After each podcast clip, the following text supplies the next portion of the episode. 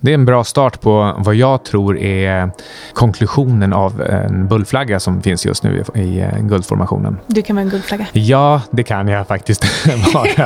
Det vill säga en tillfälligt negativ formation som eh, sen kommer eh, uppfylla sina löften längre fram i tiden. Hej! Du lyssnar på Antilope Hedge Podcast med Carl Mikael Syding. Och Anna Svan och min hjärna som varje gång du säger hej, du lyssnar på, så min hjärna säger till mig då outsiders och sen så blir allting helt snett. Och sen är vi insiders och helt anti den vanliga loopen som eh, var outsiders.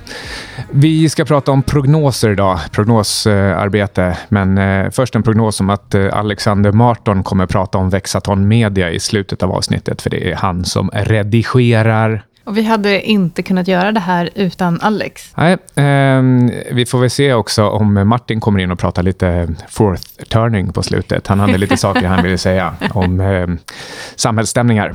Nu måste jag fråga innan vi kör igång. Har du tagit en pre-podcast whisky? Ja, känner du inte det? Nej, jag känner fortfarande ingen doft eller smak. Men däremot så ser jag på karaffen här att eh, det är nallat lite ur den. Och det var det inte i morse. lite, lite. Det, det, är Martin, det är Martin som har infört... Nej, men det ser mycket mer ut än vad det är. Den är, den är oerhört eh, smal innanför den där flaskan. Väldigt tjocka glasväggar. Ja, jag hade ju lite grann tänkt att vi skulle prata om hur man gör prognoser, alltså hur man kan göra scenarier. Men du tänkte också prata lite grann om faktiska scenarier, praktiskt ja, användbara kanske? Faktiska, faktiska. Nej, men eh, jag eh, skrev ett memo eh, som heter The Final Fiat Experiment. Och ehm, eh, föga förvånande pratar jag om MMT och vad jag tycker om MMT. Men framförallt så pratar jag om eh, vad, hur det kan accelerera skiftet mot eh, digitala valutor och eh, vad det betyder för guld. Eh, men i det här memot så nämner jag också ett potentiellt scenario som jag också skickade som ett meddelande till dig och resten av teamet häromdagen. Ja, du tittar bortom Biden. Du tittar 2028.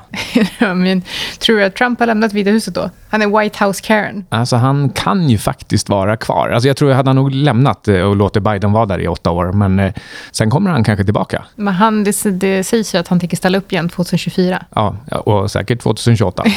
Förmodligen.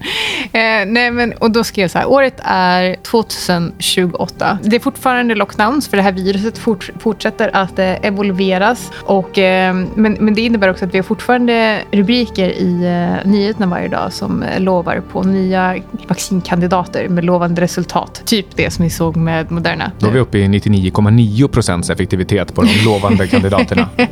Ingen har läst distributionen ännu.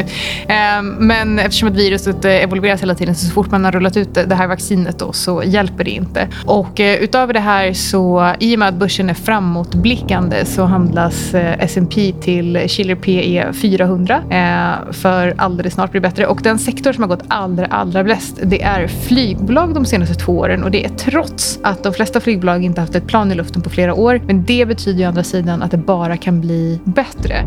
Det är pure place med Russ Hannemans ord. Ja, nej, men precis. Och eh, sen är det så här att eh, H&M's försäljning har tappat ytterligare 70 procent från dagens försäljningstapp.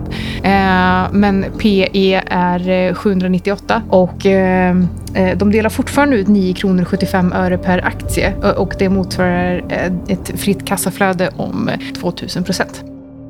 Jag kollade faktiskt på H&M tidigare idag och eh, officiellt PE enligt Avanza är 98,5. Men ja. det måste vara något fel. Nej, eh, nej, för det är det man vill betala för det bolaget just För. Eh, fast fashion i en värld som bryr sig om eh, miljö, där man inte ska samlas IRL och shoppa i butiker och där H&M fortfarande är världens sämsta på eh, logistik. Eh, ja, och dessutom nu så drabbas H&M en del av bomulls eller konflikter i de länder som de har eh, bomullsproducenter.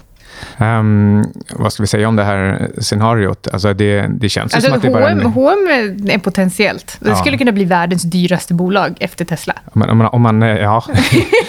om man, om man, eh, Sätt värderingsmultiplar. Nu kom ju faktiskt Tesla in i Standard Poor 500 just i, igår kväll. Alltså bara några timmar sedan. Eh, vilket är helt fantastiskt. Det är dessutom så att det kom ut, det beslutet kom ut eh, några timmar innan eh, det visade sig att NHTSA, eller vad de heter, alltså eh, Transportstyrelsen i USA, utvidgade sin eh, undersökning av 160 000 Tesla-bilar som har fel på den här stora skärmen. Alltså den är medvetet tillverkad med, med eh, kassakomponenter så att eh, den går helt enkelt sönder och gulnar efter bara några år. Men Space Karen, eh, alltså Elon Musk, han, eh, han tycker att eh, det här är skit såklart. Jag tror du får förklara Karen. Karen är ju då en meme som... Eh, Anna Karen. Nej, jag är inte. Som syftar på medelålders eh, övre medelklass kvinnor med snedlugg i USA som wants to talk to the manager så fort det är någon typ av problem. Jag undrar om det inte till och med kan vara vinklat mot uh, unfre medelklassen. Alltså att de är, de är bara arga på landet. Men från början så var det övre medelklass. Okay, ja. Och, de, de, men, har, de har i alla fall en väldigt så här, typisk boomer-frisyr, eller ja, generation X-frisyr kanske det nu. Och, och nu var det så att när Elon då tweetade att han hade gjort fyra coronatest på en dag och två av dem kom tillbaka positiva och två kom tillbaka negativa. Och så skrev han “something is bogus with this” eller någonting. Sen, men han lovade att han skulle göra fyra till nästa dag också. Och någon har väl sagt att man inte ska tära så mycket på liksom, resurserna i testandet. Men eh, Elon kan göra hur men många test som helst. Det var någon eh, biolog eller någon med relevant utbildning i alla fall som då retweetade det här och eh, sa att eh, det enda som var bogus var att Space Karen eh, klagade över testerna när det står klart och tydligt på vilket sätt de är tillförlitliga och eh, inte. Ja, och eh, alltså, sen spred sig Space Karen. Ja, ja eh, precis. Space Karen blev ju en större fenomen än hon kanske någonsin hade trott. Och vi vet ju alla hur liksom, the thin-skinned man reagerar på såna här saker. Men, ja, om jag Någonstans så tror jag att Elon, om det är någonting Elon uppskattar så är det att bli en meme. Ja, ja meme, men han gillar inte när det nedvärderar honom. Jag, jag tror att hon ska vara rädd för sitt liv. Eh, eller åtminstone sin ekonomi. Det är många som har blivit ruinerade på eh, när, när han skickar ut sina hejdukar. Inte om de har köpt Tesla-aktier. Det är bästa hedgen. okay, ska vi, jag, jag, kan, jag kan, eh, tänkte berätta lite grann hur jag gör prognoser. Steg ett, börja. Steg två, jag har skrivit upp det här, fortsätt. Steg tre, gör tvärtom. ja, helt, helt, helt eh, på riktigt. Så ett, eh, det gäller faktiskt bara att börja någonstans var som helst. Och just nu så skulle jag till exempel börja i eh, eh covid-pandemin eller vaccinnyhetscykeln. Nu har vi fått Modernas och Pfizers vaccinnyheter, eller deras studier. Vad leder det här till? Ja, vi har sett att det blir en kraftig rotation på börsen in i flyaway-aktier, alltså olja och, och fritid framför allt och kanske lite banker också. Eh, och sen härifrån så, så gäller det bara att fortsätta. Så här, dra den här utvecklingen framåt. Vad, vad, tror du nästa nyhet blir? Blir det att eh, vaccinet inte fungerar eller dröjer med distributionen? Eller blir det att det kommer fler vaccin, till exempel? Alltså, din gissning är lika bra som min. Sen när man har gjort... Eh, är, det, är det verkligen det? Nej, alltså mina gissningar är alltid bäst. Jag, jag, kollade faktiskt upp mina gissningar från 18 mars där jag ritade in kurvorna för, eh, för pandemin och även ritade in den andra vågen med start eh, i eh, början på november. Ehm, och ja, så enkelt är det att prognostisera våg två sex, sju, åtta månader i förväg. Redan innan ens våg ett har tagit fart på allvar om man är Micke Syding. Det beror ju på, när du pratar om prognoser så beror det ju också lite på vad är det för tillgång du tittar på. Jag antar att när du pratar om prognoser så pratar du först och främst om aktier. Ja, alltså egentligen så pratar jag bara scenarier generellt och jag är medveten om att scenarierna de blir alltid fel. Men om man inte har skrivit ner scenarierna på ett tydligt sätt, då vet man inte, man kan inte komma ihåg på vilket sätt man hade fel. Man vet inte eh, med detalj vad man hade fel i och därför hur man ska justera sig. You can't predict but you can prepare. Det är det de här scenarierna bygger på. Men de allra flesta de springer runt och gör inga scenarier överhuvudtaget. Och sen klappar de sig själva lite på axeln om de har tjänat pengar oavsett om det var liksom tur eller skicklighet. Så om man har köpt SAS till exempel? Ja, skatt på dumhet var det någon som skrev i Omni Ekonomi. Undrar om det var... Men, men okej, okay, så ett börja, två fortsätt, ja, tre och sen invertera. Ja, men eh. det, det tänker jag att, man, att vi kanske ska... Vi gör så här. Om du förklarar hur du kan göra prognos för en sektor till exempel, för du tittar på sektorspreadar, mm. så kan jag prata om hur eh, jag kanske gör prognoser för eh, kortsiktiga valutatrades och mer långsiktiga makrotrades med, som jag tar på råvaror. Ja, men framförallt till att börja med så måste man skilja då på ekonomin och eh, vad man kan tro att marknaden kommer göra med aktierna. Jo, jo men det är sen gammalt. Ja, och eh, när det gäller då till exempel flyaway play-sektorerna. Alltså kryssning, flyg, hotell eh, och även olja och energi. De här som man då springer in i nu. Eh, båda, båda gångerna när det kom de här vaccinnyheterna senaste veckan så kastar man sig över eh, kryssning och, och flyg. Och lite märkligt nog säljer cykliska bolag som Fedex och UPS. Men det beror ju då på att, på att de senare de ansågs vara mer home alone-aktier där man beställer saker över nätet. Är det inte en del av analysen också att många nu bestämde sig för att sälja tidigare vinnare för att köpa så kallade billiga bolag och, och kunna göra det så tidigt som möjligt? Mm, jo, eh, absolut. Det är en, eh, en, en, klassisk eh, rekyl, alltså en klassisk invertering. Man, man kollar bara på hur var det när det inte fanns vaccin. Ja, men då, då spreadar det så här på det här sättet. Ja, men nu när vaccinet finns, det är väl lika bra att bara vända på det snabbt. För om, om alla pengarna på en gång ska försöka göra ungefär det, då kommer det bli väldigt stora rörelser. Och det är ju oavsett vad som händer i realekonomin och även oavsett vad de som gör det här tror händer i realekonomin. För jag är ganska säker på att de allra flesta som nu köper till exempel eh, flyg, de, eh, de de tror inte att, eh, att flygen plötsligt ska fyllas eller att det ska gå bra för de bolag som, som hade problem redan innan pandemin. Utan man tror bara att andra ska kasta sig in i det här. Det är den här klassiska liksom, third level-analysen av en skönhetstävling i en, i en tidning som, som Buffett pratade om för säkert ungefär 130 år sedan. När du var 15 ungefär? Ja, jag hade precis börjat med aktier, eller jag hade hållit på med det ett halvsekel. Um, ja. Nej, men så, så, vad jag gör är att jag, eh, jag börjar med att titta på vad tror jag att folk kommer göra och sen tittar jag på vad tror jag faktiskt kommer hända. Och därefter börjar jag fundera över, hmm, undrar vad folk kommer göra när de sen börjar titta på vad som faktiskt kommer hända. Och så försöker jag förutspå de här, de här intermediära vågorna som eh, liksom, för, halva tiden är irrationella och halva tiden råkar sammanfalla med någon liksom, rationalitet och eh, synk med verkligheten. En annan sak som jag tycker är extremt viktigt när man gör prognoser för framtiden är också att titta på vad, vilka potentiella scenarier, och då menar jag alltså väldigt isolerade saker, eh, har, eh, har skett tidigare och vad har det fått för, på, och hur har det påverkat priset på den här specifika tillgången. Och ett superenkelt exempel är att ta kanske bitcoin och halveringen. Mm. Vi eh, alla visste, nu, nu var det jättemånga som eh, tyckte att de var smarta när de sa att det är inprisat. Och så tyckte de att de var ännu smartare när bitcoinpriset dagen efter halveringen i maj inte steg 10% 20% 100% Men vid förra halveringen så tog det sex ja, månader. 6 till 12, åtminstone innan, 6. Innan, ja. ja. precis. Innan det började dra. Så självklart så tar det tid och då hinner de som var lite pessimistiska låta smarta. Gud vad det här känns som eh, det och mig på resten av marknaden förresten. en, en, sak som man ofta missar när det gäller sådana där saker som halvingen och bitcoin, eh, det är att det finns ju ett reellt flöde som styr priset. Du kan inte bara tänka ut det smarta. Att den här gången så, så ska nog alla kasta sig in direkt för att man vet att om ett år så kommer den ändå gå upp.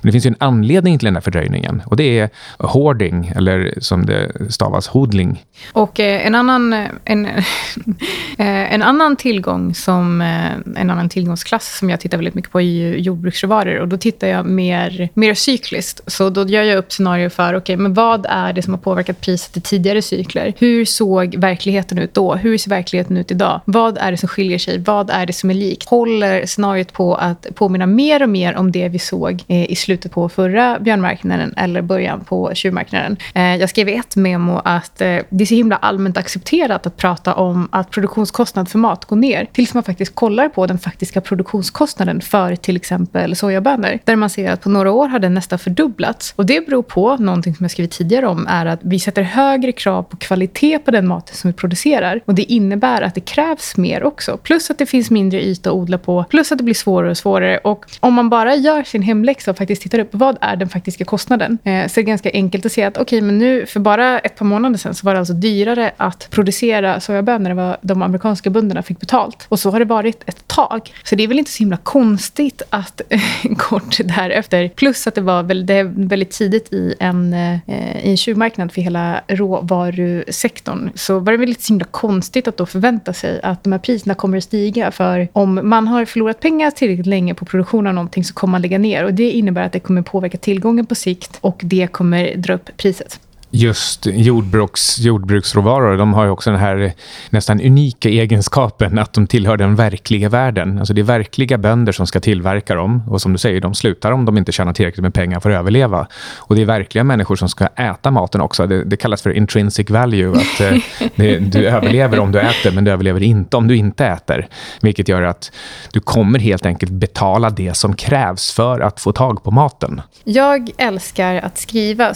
Och när jag pluggade så, så pluggade jag med eh, en kille och jag hjälpte honom att skriva alla hans grejer. Och han brukade säga till mig, jag förstår inte vad du ska ha användning för det här till. Och skratta sist, skratta bäst som skrattar sist. Nu skriver jag väldigt mycket till typ Finansinspektionen. Men, men en sak som jag gör är att jag skriver upp de här scenarierna nästan som att jag skriver en uppsats i, i skolan. För att det blir lättare för mig att göra en slags omvärldsanalys och då jämföra, okay, men vad, vilka parametrar påminner då eh, med historien och eh, vad behöver förändras för att utsikterna för den här tillgången ska förändras. Om man pratar på lite kortare sikt så är det väl mina valutatrades. Men då tittar jag på typ tre, fyra signaler. Och då är det framförallt när jag handlar dollarseken fram och tillbaka. Jag tycker att det där leder in på steg fyra i min eh, prognosskaparmodell. Eh, och det är att korrelera in fler tillgångar. Som du säger, liksom, du kan titta på valutor och softs och vad det nu kan vara för någonting. Och, och eh, när jag väl har börjat dra i en vaccintråd eller en pandemitråd och börjat titta på BNP och utvecklingen för diverse sektorer så försöker jag pussla ihop till jag har fått eh, till jag får en bild som är konsekvent och, eh, eh, och logisk. Att alla de olika scenarierna för olika tillgångsklasser eller olika branscher, att de faktiskt hänger ihop logiskt och på ett sätt som gör att, att jag är rädd att mm, åtminstone mer eller mindre offentligt slå vad om hur det blir. Eller i alla fall slå vad om i, vilket, i vilken range de här olika variablerna kommer, kommer utveckla sig. Sen får man inte bli girig heller eller vara för långt in i sin bias. För jag tror att det är väldigt enkelt att ha en övertro på en tillgång och så vill man så himla gärna att den ska gå upp och så kanske man har listat tio parametrar eller tio signaler eh, som behöver stämma överens då för att den här tillgången ska röra sig åt ett visst håll i pris. Eh, men så kanske bara sju av dem är uppfyllda och så vet du egentligen att de resterande tre är rätt viktiga för att det här ska gå vägen. Men så blir du lite, lite girig och så gör du det lite, lite för tidigt så blir det inte riktigt, riktigt bra. Nej, precis. Och sen så går de prognoserna alltid bara ut på att det går ett litet steg uppåt hela tiden med varje ny information, för det är det enda man kan se framför sig. Men, men då, då, jag lägger på en, eh, ett lager till och det är att jag, jag utgår från en slags stor övergripande top-down-prognos av om vi ska gå från A till B, om det är uppåt eller neråt och hur det passar in i alltihop. Och sen är det ju eh, vägen från A till B som jag försöker prognostisera med hjälp av olika händelser. Och den vägen, den vet jag är zigzackig. Men om man vill gå till A från A till C då? Nu eh, dribblar, du, dribblar du bort mig med alla bokstäver. Jag kan klara inte av bokstavssoppa. mm, eller hur?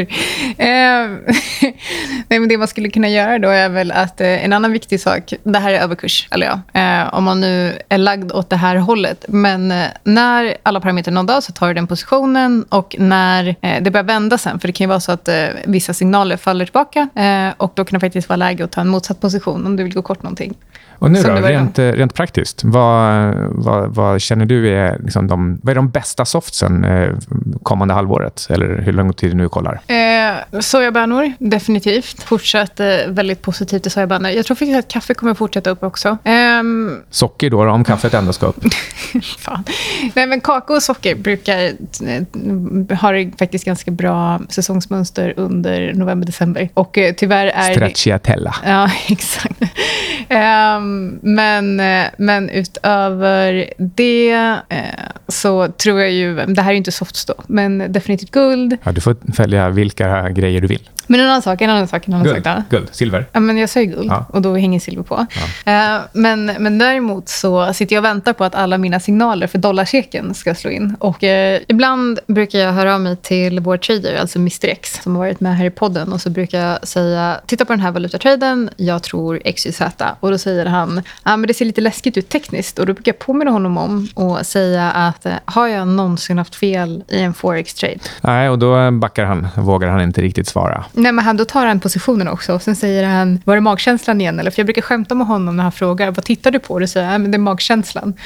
Nu, jag tittar ju faktiskt på riktiga signaler, men det är roligare att se magkänsla. Nu råkar det ju vara så att i den här boken The Hour Between Dog and Wolf så pratas det mycket om magkänsla och hur, hur stark den är och hur viktig den är och att den är bättre än neocortex på att fatta beslut. Men, och då ska jag säga, för jag har också läst forskning om det här, och magkänsla fungerar om man har lång erfarenhet av det man gör. Och så lång erfarenhet har inte jag av forexhandel så att jag ska lyssna på min magkänsla. Nej, Nej, och man får inte ha för lång erfarenhet heller så att man glömmer bort att, eh, som Annie Duke säger, hold your intuition accountable. Alltså du måste ju alltid gå tillbaka och kolla om intuitionen, magkänslan faktiskt också var korrekt, för annars så deteriorerar den över tid. Men det som jag faktiskt tittar på eh, i, eh, innan jag ska ta en, en dollartrade, det är eh, korrelation mellan, eh, i vanliga fall icke-korrelerande tillgångar, för vid en sell-off så tenderar alla eh, tillgångar att korrelera, förutom förutom just dollar, för alla pengar måste ju ut någonstans. Eh, jag tittar på VIX eh, och eh,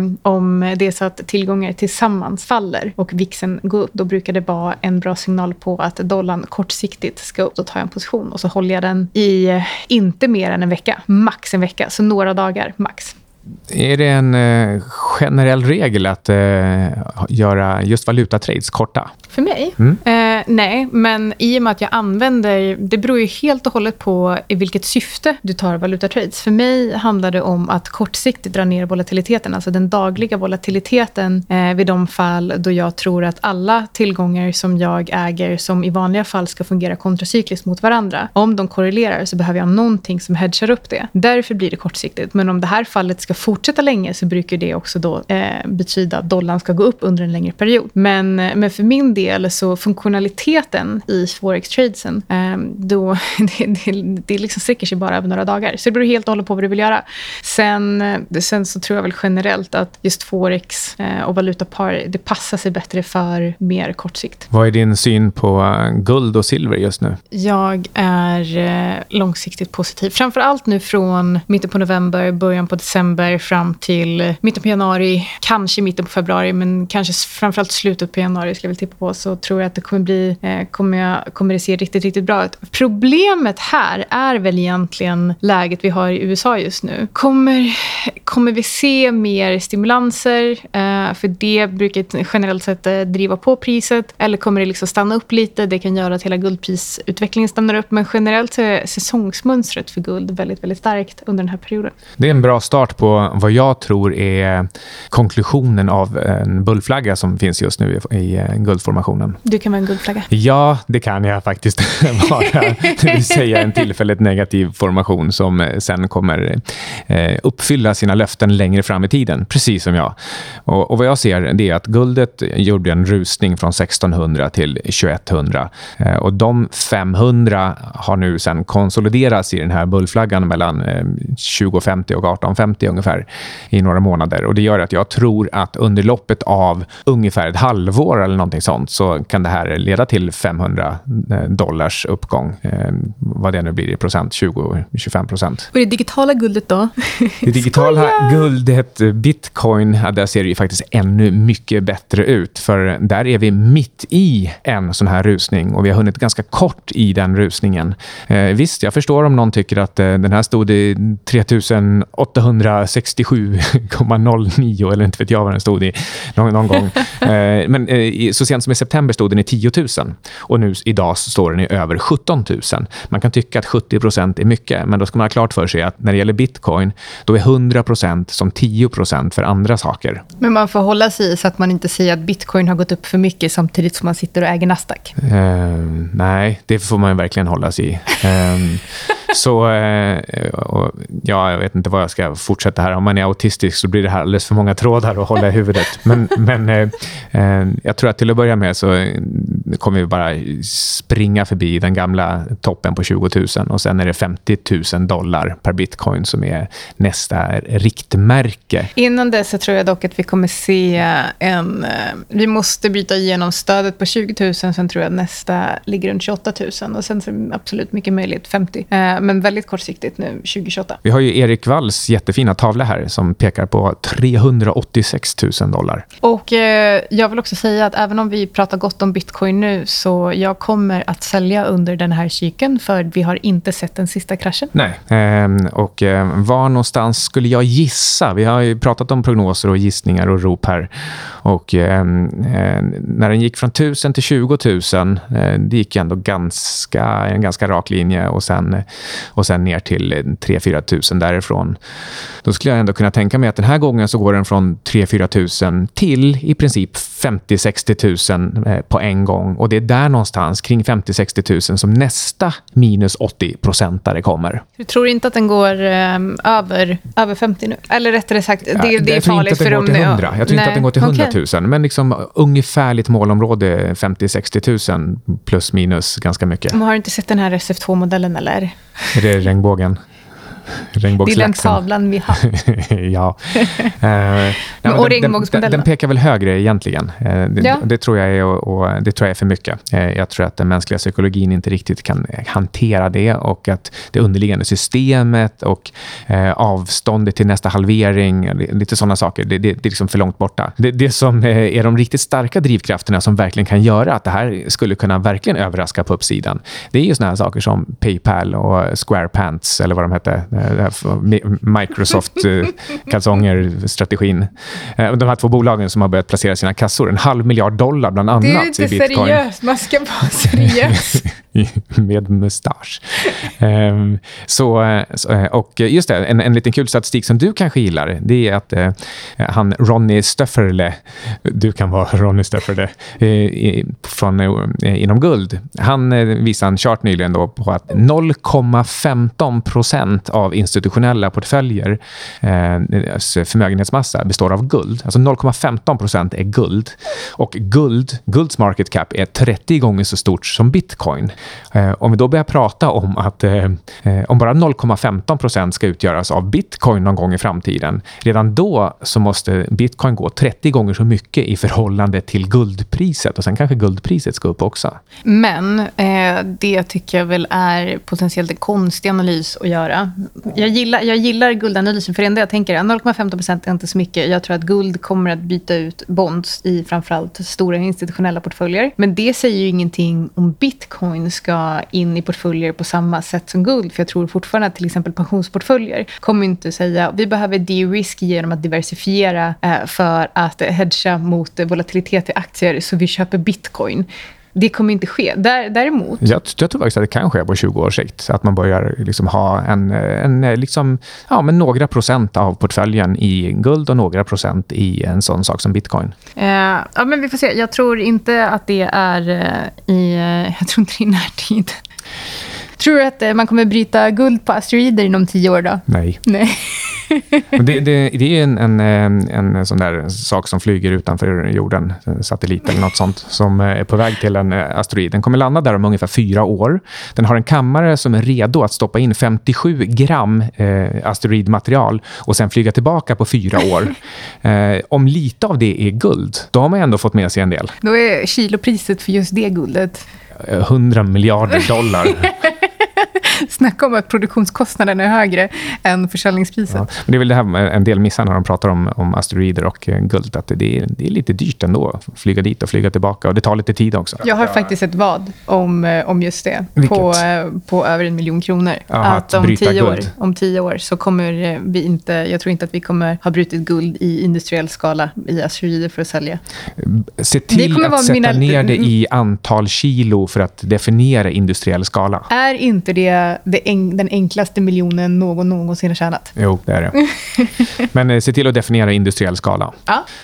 Jo, innan vi säger hej då, så eh, det är klart att jag eh, tar i så jag kräks när jag pratar om procent och bitcoin i institutionella portföljer. Eh, vad jag menar är att nu när det är lagligt med custody i amerikanska banker med bitcoin, eh, då kan det bli, då är det öppet för hedgefonder och ETFer att börja stoppa in bitcoin och även för privatpersoner i, i USA att lättare börja stoppa in lite bitcoin. Och, och då kan någon börja experimentera och tycka att ja, men jag kanske ska ha en procent i alla fall i det där som alla snackar om. Och som typ nu... som han eh, Stan the Man Druckenmiller. Ja, ja, och om det är några stycken som börjar stoppa in en procent, då vips, då går plötsligt snittet i portföljer till 0,1 procent. Ja, men då plötsligt så, så har du Så bitcoin i går det 50% till så har du 385 000 dollar. 0,1%, ja. Och då är det fler som stoppar in. För jag tror också så här, någonstans är det en perfekt storm för bitcoin. Dels så har vi den här fiat-kollapsen, dels har vi ett halvår efter halveringen, så vi var ändå overdue för, för bull run. Och eh, det, det gör att det, liksom, det är attraktivt på, av flera anledningar med bitcoin idag. Ja, och om inte det kom med innan eh, batteriet tog slut förra gången så eh, lite av poängen här när man gör prognoser och när man inte minst tittar på bitcoin så är det att saker förändras. Och eh, även om bitcoin-koden var samma för fem år sedan som idag så är själva företeelsen och sättet som den har bitit sig fast i omvärlden en helt annan. Så man måste ändra åsikt. Och om tio år till, ja, då har bitcoin funnits i tio år, eh, givet att den har det då. Kommer man bryta bitcoin eller guld på asteroider först? Hmm, undrar hur energitillgången är på asteroider. Den kanske är gratis. Ehm, ja, men, men vi kanske lämnar den spekulationen till, eh, till nästa gång. Så har du lyssnat på... Antilop! Du har lyssnat på Antiloop Podcast som produceras i samarbete med Vexaton Media. Ingenting som du har hört i det här avsnittet har varit någon form av rekommendation och alla placeringar är förknippade med risken att förlora hela eller delar av ditt kapital. Glöm inte att prenumerera i din podcastapp och lämna gärna en recension så hjälper du oss nå ut till fler lyssnare. Mer information om Antiloop hittar du på antilophedge.com. Där får du även tillgång till Antiloops senaste memos.